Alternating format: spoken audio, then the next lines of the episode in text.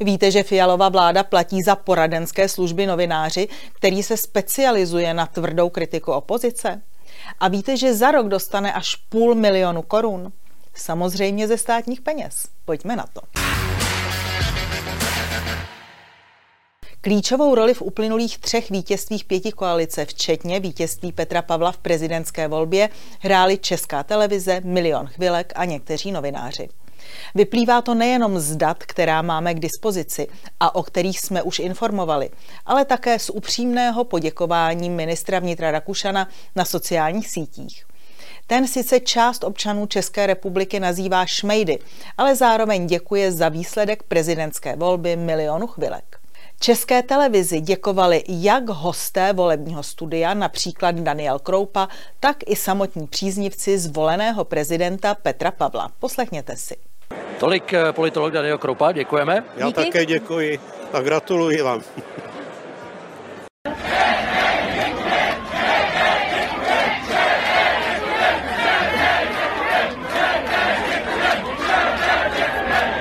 A takzvaně nezávislí novináři.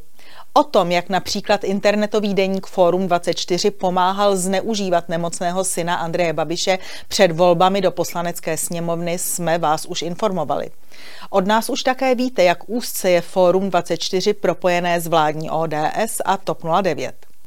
Tyto strany jej prostřednictvím reklamy spolufinancují a vybízejí své členy a příznivce k předplatnému. Teď jsme ovšem objevili další formu propojení Fialova dvorního serveru s penězi občanů České republiky.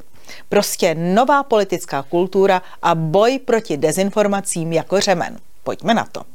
Úřad vlády letos v lednu uzavřel smlouvu na plného půl milionu korun bez DPH s jistým inženýrem Jiřím Sezemským. Podle této smlouvy bude až do konce roku pan Sezemský poskytovat předsedovi vlády Petru Fialovi komplexní poradenství a konzultační služby formou zpracování odborných vyjádření či třeba účasti na jednáních. Z peněz daňových poplatníků bude za tuto službu dostávat 500 korun za hodinu. A víte, kde je to Jiří Sezemský? Budete se divit. V současnosti působí jako novinář internetového deníku Forum 24, který o sobě uvádí, že je nezávislé médium pro kontrolu politické moci. Tak teď kontroluje politickou moc Fialovy vlády redaktor, který od Fialovy vlády peníze pobírá. Evidentně je to dobré, rozumné a slušné. Vždyť do stejného internetového deníku přispívá exkluzivně i sám premiér Fiala. Vládou placený redaktor Sezemský o sobě říká, že si práci z médií vyzkoušel z obou stran barikády. Ať už v tiskových či analytických odborech státní zprávy, nebo jako externí autor článků v různých médiích. Už na konci 90. let pracoval v tiskové sekci ODS. Za Petra Nečase byl mluvčím na Ministerstvu práce a sociálních věcí a pracoval i na úřadu vlády. Po pádu Nečasova kabinetu působil Jiří Sezemský v týmu Miroslavy Němcové z ODS. Poté na chvíli zakotvil v týdeníku Reflex a dnes už déle než rok a půl pracuje ve Fóru 24. Zajímalo nás, jak probíhá nezávislá žurnalistická kontrola ekonomické a politické moci z pera novináře, který má zároveň smlouvu s úřadem předsedy vlády. A je to nářez. Víte, jaké články napsal pro server Forum 24 Jiří Sezemský v době, kdy už byl oficiálně placen fialovou vládou z peněz daňových poplatníků? Za 17 dní zkontroloval ekonomickou a politickou moc v plných 21 článcích. Zajímavé je, že příjemce peněz z Fialova úřadu vlády důsledně kontroluje a kritizuje jen jednoho z prezidentských kandidátů. Namátkou vybíráme několik titulků. Takže agent Bureš rozjel špinavou kampaň. Nebo děsivá fašizace české společnosti. Prokremelské weby volí Babiše. Kdo koho podporuje? Za Babišem stojí jen Zeman, nejedlý minář a komunisté. Těsně před volbami psal fialovou vládou placený Jiří Sezemský, že Babiš, cituji, nedokáže překonat svůj stín agresivního mluvky a patologického lháře.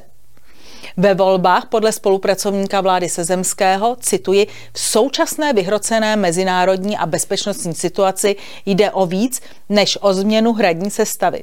S tím se pojí tlak na změnu prozápadního kurzu a proto je Babiš pro Moskvu přijatelnější. Jinak by za něj nemobilizovala i nejtvrdší ruská propaganda. Konec citátu.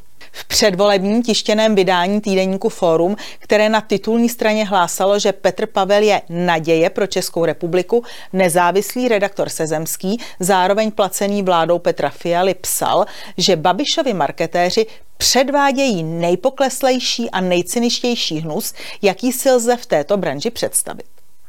Zajímavé je, že Jiří Sezemský je u článků publikovaných na deníku pro obranu liberální demokracie uváděn zásadně jako komentátor, nikoli jako poradce předsedy vlády Petra Fialy. To ovšem stále ještě není všechno. Podle smlouvy s úřadem vlády je Petr Fiala povinen poskytovat Jiřímu Sezemskému veškeré relevantní informace a poskytovat mu odpovídající součinnost. Jsme zvědaví, jak budou vypadat články provládního Fora 24 v dalších týdnech a měsících. Píše je nezávislý žurnalista, který má s úřadem Fialovy vlády uzavřenou smlouvu na poskytování poradenských služeb. Řečeno slovy premiéra – Prostě normální, lidská, rozumná a slušná politika. A platíme my. Víte, že vláda chce urychleně v poslanecké sněmovně schválit novelu zákona, který usnadní a urychlí mobilizaci? Víte, že podle současných zákonů mohou být do boje povoláni téměř všichni občané naší země ve věku od 18 do 60 let? A víte, že výjimku zbrané povinnosti mají mít nově vedle poslanců, senátorů a ministrů i europoslanci? Pojďme na to.